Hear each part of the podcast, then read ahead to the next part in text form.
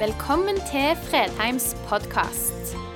For mer informasjon og ressurser, besøk oss på fredheimarena.no, eller finn oss på Facebook.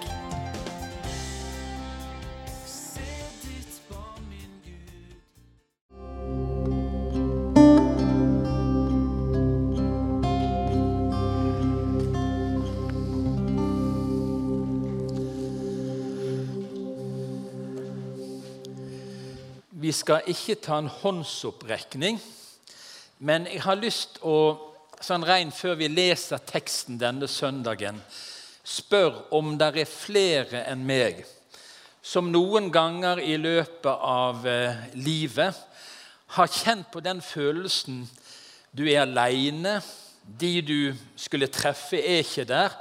Så tenker du har Jesus kommet igjen nå? Og så ble ikke jeg med. Kanskje er det bare vi som er litt oppi årene, som eh, tenker sånn. Men jeg har opplevd det noen ganger, kanskje enda mer når jeg var yngre, at jeg var i en situasjon hvor de var ikke der, de som jeg skulle treffe. Så jeg tenkte kjære Jesus, har du kommet igjen? Og så ble ikke jeg med.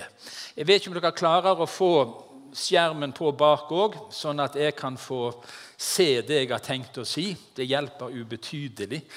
Eh, så kan vi begynne etter hvert. Det er dumt hvis jeg skal snu meg hele tiden.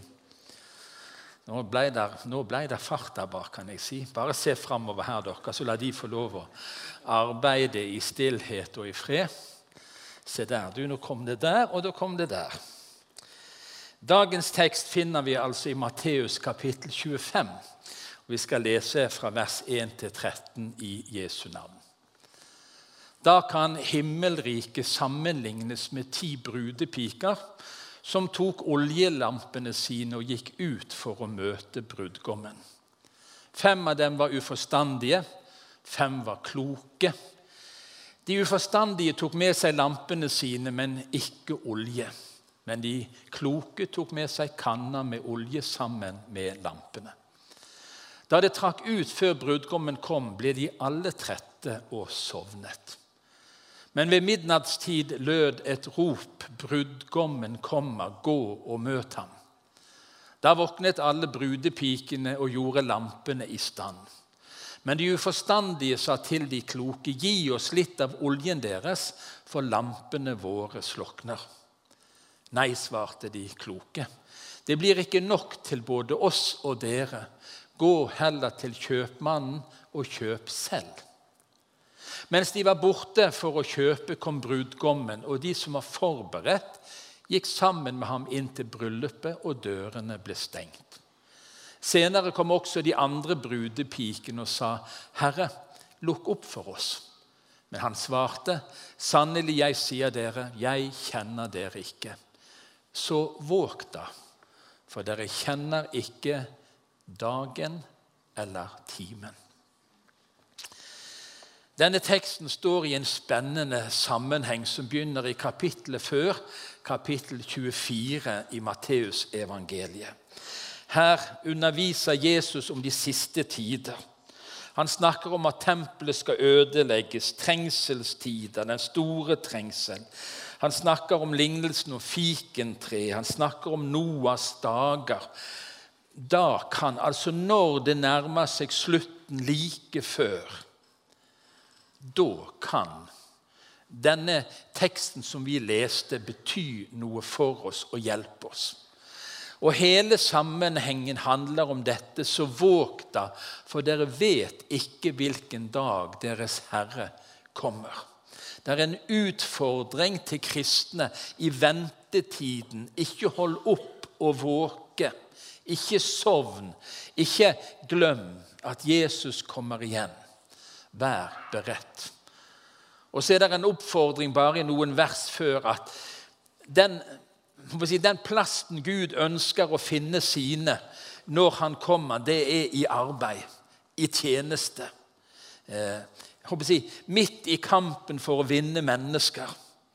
Fullføre det oppdraget vi har fått, å forkynne evangeliet. og lykke Lykkelig er den tjeneren som Herren finner i arbeid med dette når han kommer tilbake. Og så er det en heftig billedbruk i denne teksten. Og Da er spørsmålet skal vi nå tolke alle detaljene i denne teksten. Kanskje er det noen som velger den rent minimalistiske måten å gjøre på, og så bare sier de nå må vi våke. Det er det det handler om.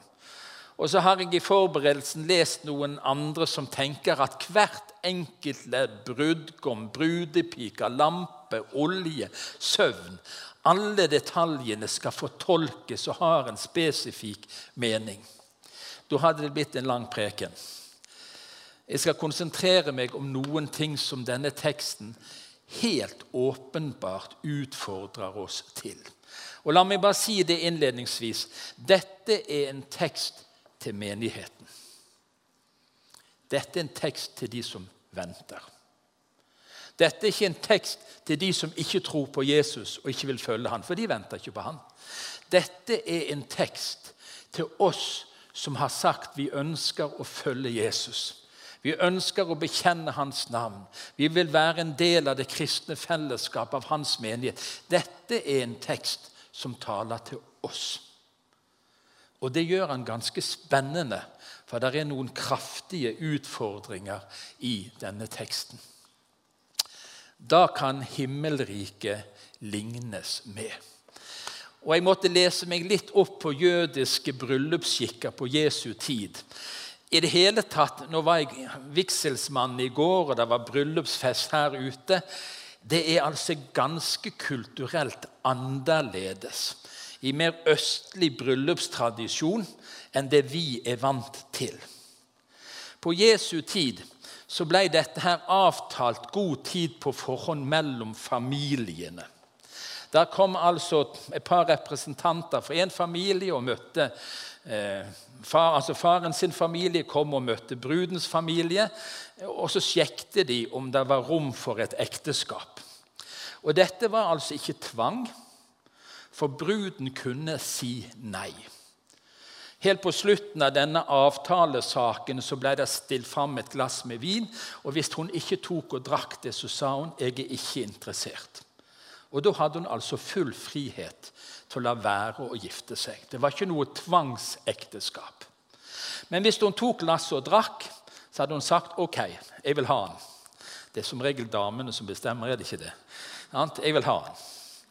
Og Da var det altså fastsatt at innen ca. ett år så skulle det feires et bryllup. Det som var spennende, var at spesielt i Galilea så var det sånn at det var bare brudgommens far som visste eksakt tidspunktet for bryllupet. Går det an tenker mødrene. Vi som skal planlegge og forberede og gjøre alt klart. Det måtte jo være en forferdelig situasjon. Men det var altså sånn det var. Om ca. ett år så skjer selve bryllupet. Og det er bare brudgommens far som vet eksakt tidspunktet. Og Når vi nå leser den teksten med den rammen, så begynner vi kanskje å forstå litt mer av billedbruken og måten denne lignelsen blir talt til oss på. Og En del av tradisjonen var at det var noen brudepiker som hadde en spesiell oppgave. For Ofte så kom de altså da midt på natten og vekte folk og sa nå er det rett før bryllupet, er dere klar? Og Da var det altså noen som hadde en spesiell oppgave å ta imot mot brudgommen og hans følge og lyse opp veien inn i brudens hjem, der hun var. Da ser vi at det ikke er akkurat sånn vi gjør det. Og Kanskje kan disse her små detaljene hjelpe oss litt til å forstå hvorfor teksten blir sånn som den blir. Og På mange måter så kunne vi nå bare ha satt for oss Jesus sa 'Jeg går bort for å berede dere et sted'. sant? Og Når alt er ferdig, så kommer jeg tilbake for å hente. Og så skal det komme en bryllupsfest. Det er en tid mellom si, avtalen var inngått, og selve den store feiringen skulle skje. I en av våre sanger så synger vi 'Han er min brudgom'. Jeg er hans brud. Og der er noen sånne nydelige beskrivelser av det å være en kristen, det å høre Jesus til. Kjært barn har mange navn, sier vi. Vi kalles Guds barn, og noe bedre kan vi ikke få. Å få lov å si at jeg er et Guds barn. Vi, vi er Guds familie. Vi er arvinger, vi er Jesu venner. Det brukes så mange flotte uttrykk på det å høre Jesus til.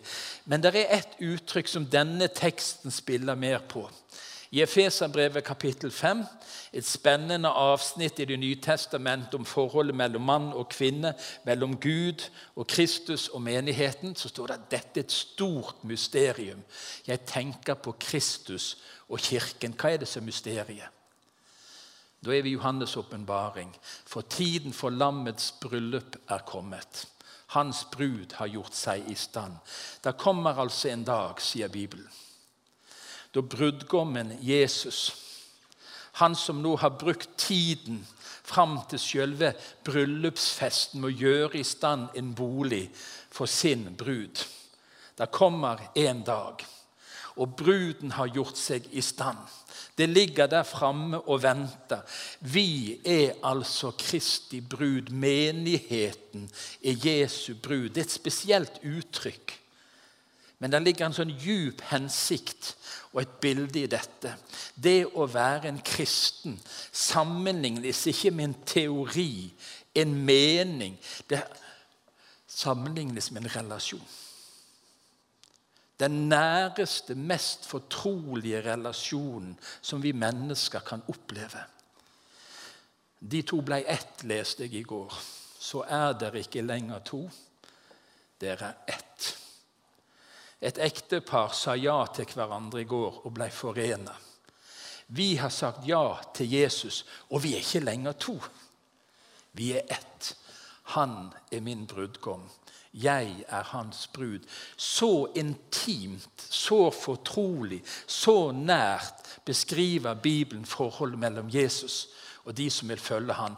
Og Dette er noe av det som hjelper oss til å forstå spenningen som etter hvert kommer i denne teksten som vi har lest. Tro, det er ferskvare, og det er personlig. Jeg leste for litt siden at trening er ferskvare, og det kan jeg skrive under på. Det har vært en litt dårlig tid, så nå ligger jeg veldig langt bak der jeg var for et års tid siden. Eh, når jeg begynner mandag morgen på tredemøllen, så kan jeg bare si ikke springer jeg like fort og ikke spriker jeg like langt. Du kan altså ikke hvile på gammel trening. Trening er ferskvare. Og tro Kristen tro er ferskvare. Det handler om nå. Det handler om her. Det var ikke det vi opplevde for 40 år siden i vekkelsen eller for 20 år siden. Men det handler om å leve med Kristus her og nå. Og det er personlig. Gi oss litt av oljen deres for våre lamper. Lampene våre slukner. Det handler ikke om å tro på mor og fars tro. Det handler ikke om å høre til bare i et fellesskap nominelt. Det handler om å leve med Jesus og ha en nær, fortrolig relasjon med han nå. Akkurat her, akkurat nå. Og Bibelen adresserer dette både individuelt og til oss som fellesskap. I 1. Korinterbrev kapittel 10 så skriver Paulus og til oss er de siste tider kommet. Tenk, Dette var altså da skrevet for snart 2000 år siden. Så skrev Paulus til oss så er de siste tider kommet. Derfor må den som tror han står, passe seg så han ikke faller. Urkirken fikk altså beskjed om det. Disse her som nettopp hadde tatt imot Jesus i begeistring og gått fra død til liv og blitt frelst, de fikk beskjed om det er ikke så lenge igjen før Jesus kommer tilbake igjen. Brudgommen skal hente bruden sin. Og nå må dere passe på at dere som begynte å følge Jesus, ikke sakker av på veien. Ikke sløvner. Ikke blir likegyldige. Vi må passe på så vi ikke faller og blir liggende tilbake igjen. Og Allerede David i Salme 139 har en sånn djup bønn som jeg tror vi alle har godt av å be innimellom. Ransak meg, Gud, og kjenn mitt hjerte. Prøv meg og kjenn mine tanker. Se om jeg følger avguders vei, og led meg på evighetens vei. Og avgudene er ikke blitt færre siden Davids tid.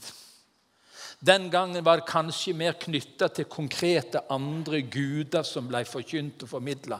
I vår tid ligger det så nærliggende for oss å i praksis leve si, uavhengig av Gud og Jesus og følge de mange tilbudene av gudene som møter oss. Ransak meg, Gud. Fariseerne, hvordan er de? Gud, takk for at jeg ikke er sånn som de andre. Sånn som den tolleren der nede. Jeg faster, jeg ber, jeg gir. Det er fariseerens tro, som ikke er den tro som Jesus anbefaler. Og Derfor trenger vi stadig å møte dette. Gud, prøv meg.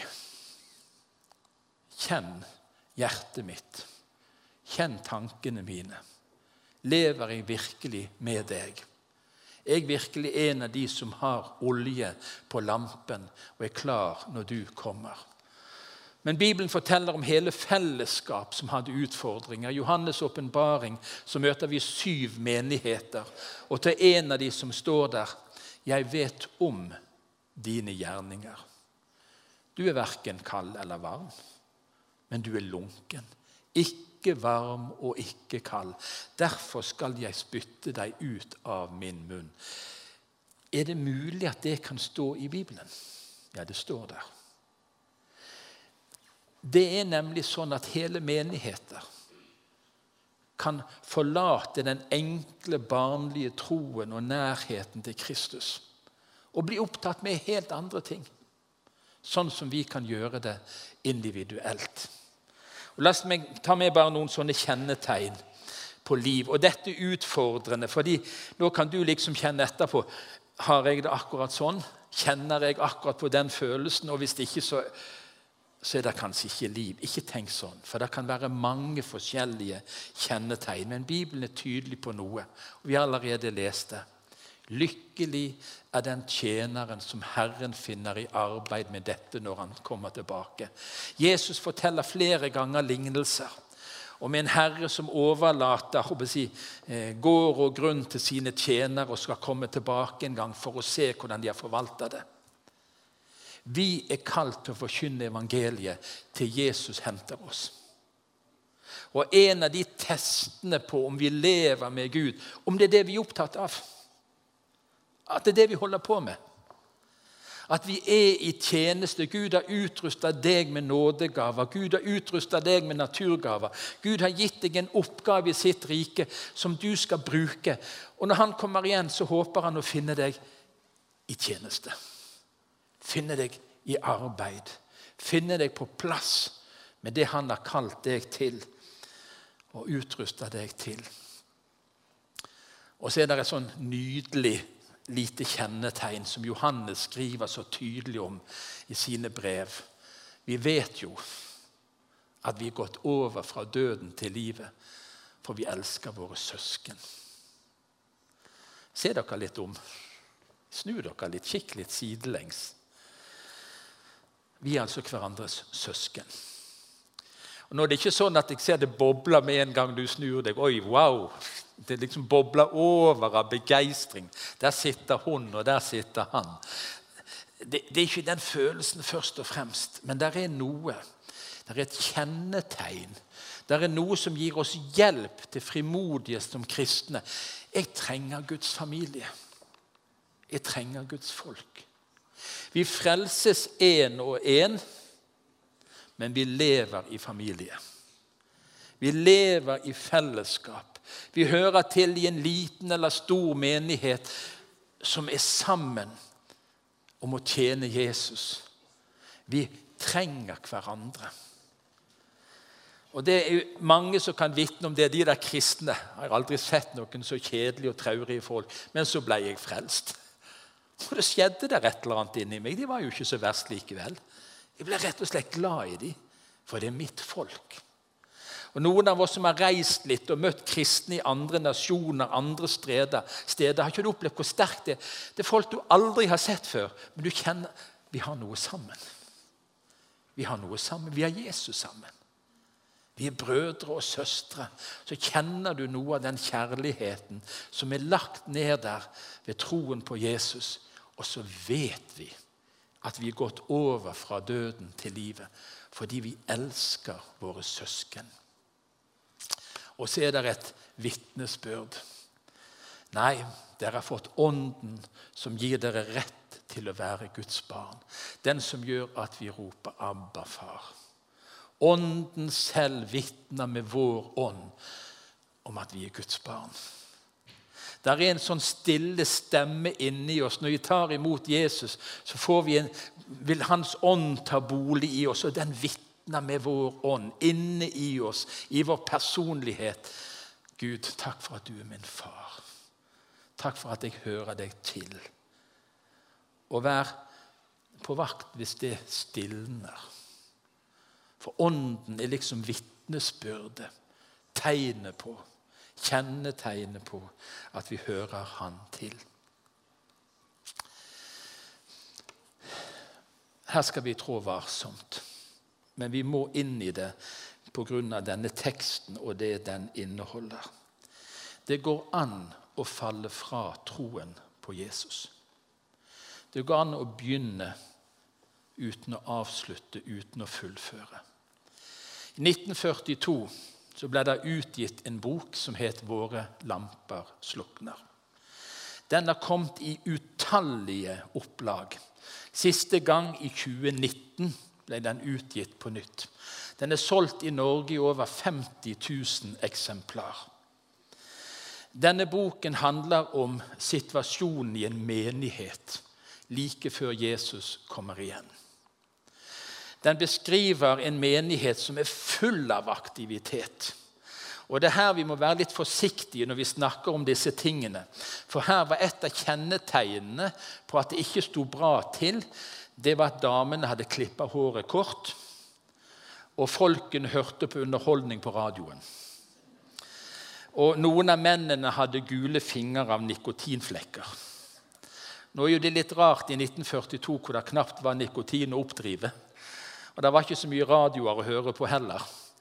Men, men sånn tidstypisk var det det som ble brukt som eksempler på nå må dere våkne, folk, for nå, nå ser du som menigheten ikke venter på Jesus.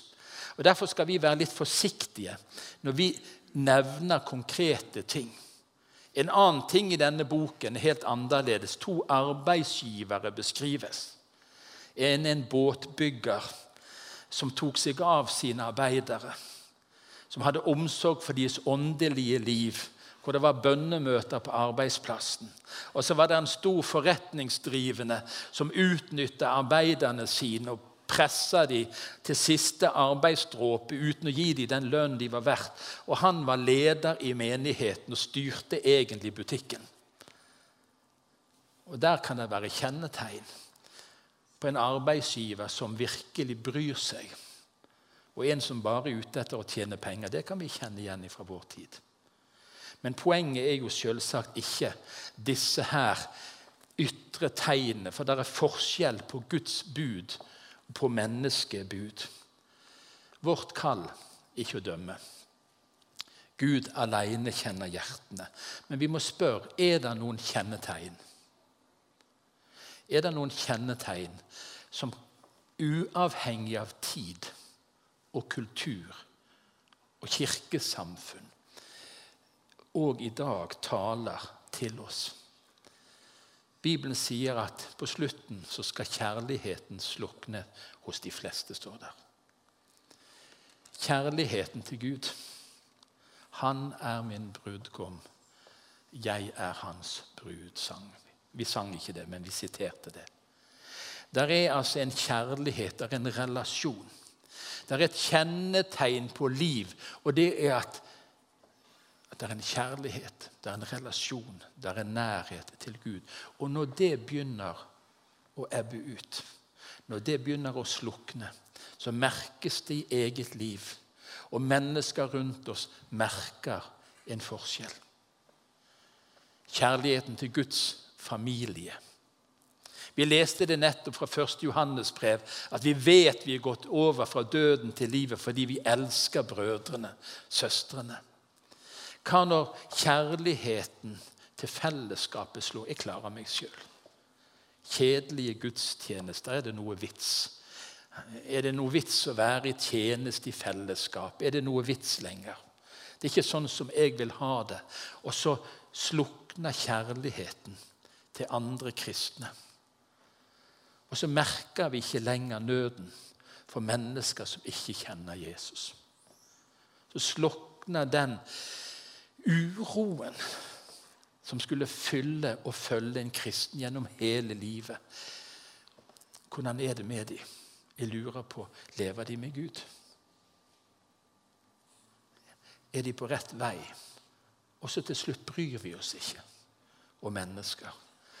Der er noen kjennetegn som går midt inn i de kristne fellesskap. Hvor det går an, og Bibelen sier det, å ha navn av å leve. Og denne teksten skjærer inn i det kristne fellesskap. Det er noen som venter, som er forberedt, som er klar og vet at brudgommen kan komme hvor tid som helst. Det gjelder å ha olje på lampen. og Skulle oljen slukne, så har vi med oss ekstra kanne for sikkerhets skyld. Det kan ta tid. Og så er det noen Lampene slokna, og så var det ingenting. Og så var det for seint å springe og kjøpe ny olje før han kom. Speiderne har, eller hadde Det er så lenge siden jeg har lest akkurat speidermottoet. Men jeg vet i alle fall når jeg var gutt, så var speidermottoet 'alltid beredt'. Alltid beredt. Og så sier altså denne teksten mot slutten 'Jeg kjenner dere ikke'. Selvsagt så kjenner Gud alle. Han kjenner alle oss som er her.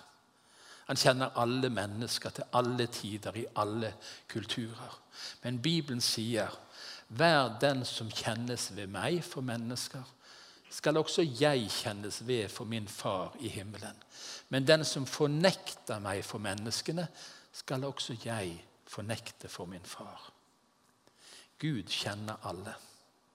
Og Når teksten nå sier 'jeg kjenner dere ikke', så er det altså noen som hadde navn av å høre til.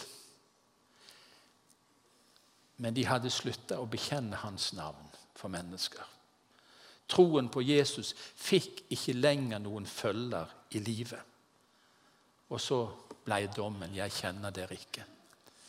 Og så er det å være alltid beredt. Så våg da, for dere kjenner ikke damen, dagen eller timen.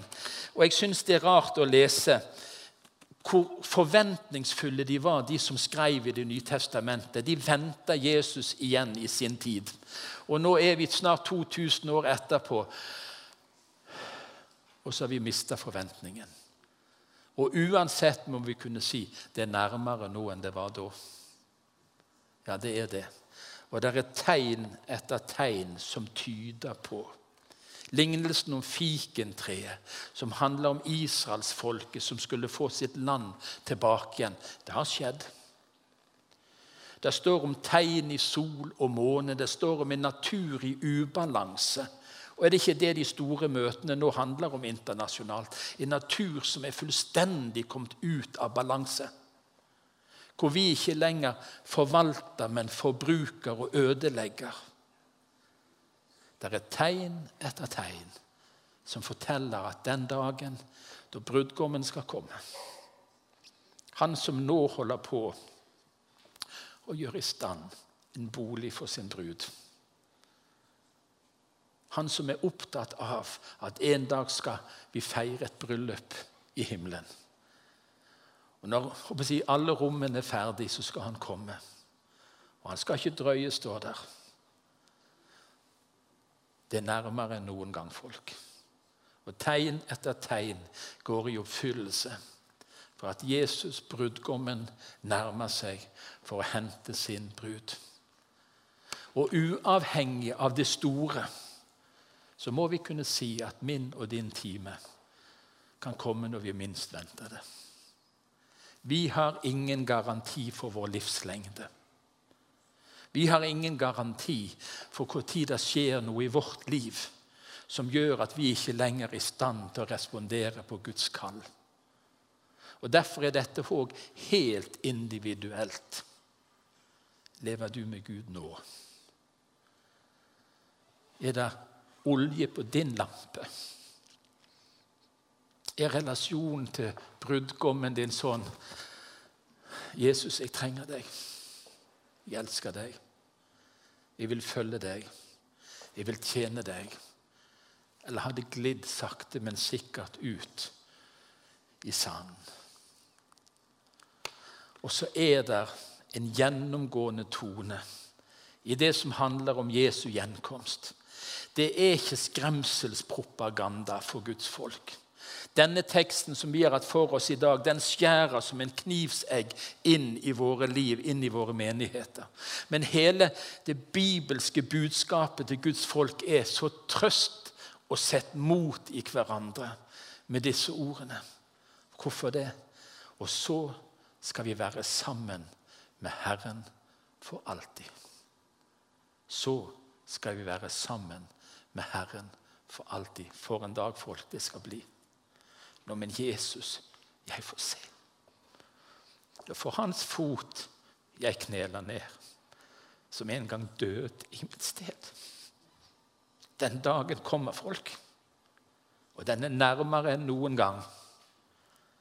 Og Den dagen blir det et skille i Guds folk, i vår verden, som ikke vi forstår rekkevidden av. Men nå, i dag, er nådens tid.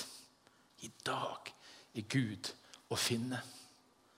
Og så skal vi som får lov å ha den nåden å følge Jesus, trøste hverandre og sette mot i hverandre med disse ordene. For vi skal få være sammen med Herren for alltid. Herre, dette er ditt ord. Og ditt ord, Herre, kan være utfordrende og krevende. Vi kan kjenne at det tar tak i oss på måter vi ikke verken ønsker eller forventer. Men summen av ditt ord er sannhet. Og Jeg ber for oss som er på Fredheim, de som lytter og ser på skjermen nå, Herre, at vi alle må ha olje på våre lamper, Herre. Sånn at om du skulle komme i dag for vår del, for noen av oss sin del, så gikk vi hjem til deg, Herre. Og så skulle vi få lov å være sammen med deg for alltid. Og Herre, vi tror at den dagen nærmer seg da du skal hente hjem din brud. Når du har gjort i stand det stedet. Og forlovelsestiden er over. Og det er tid for bryllup. Herre, måtte vi alle få lov å være med og feire lammets bryllupsfest. Og Herre, vi ber for våre kjære. Vi ber for våre nære. Vi ber for våre arbeidskolleger, studiekamerater, naboer, Herre. Vi ber om å bli funnet i arbeid den dagen du kommer. Amen.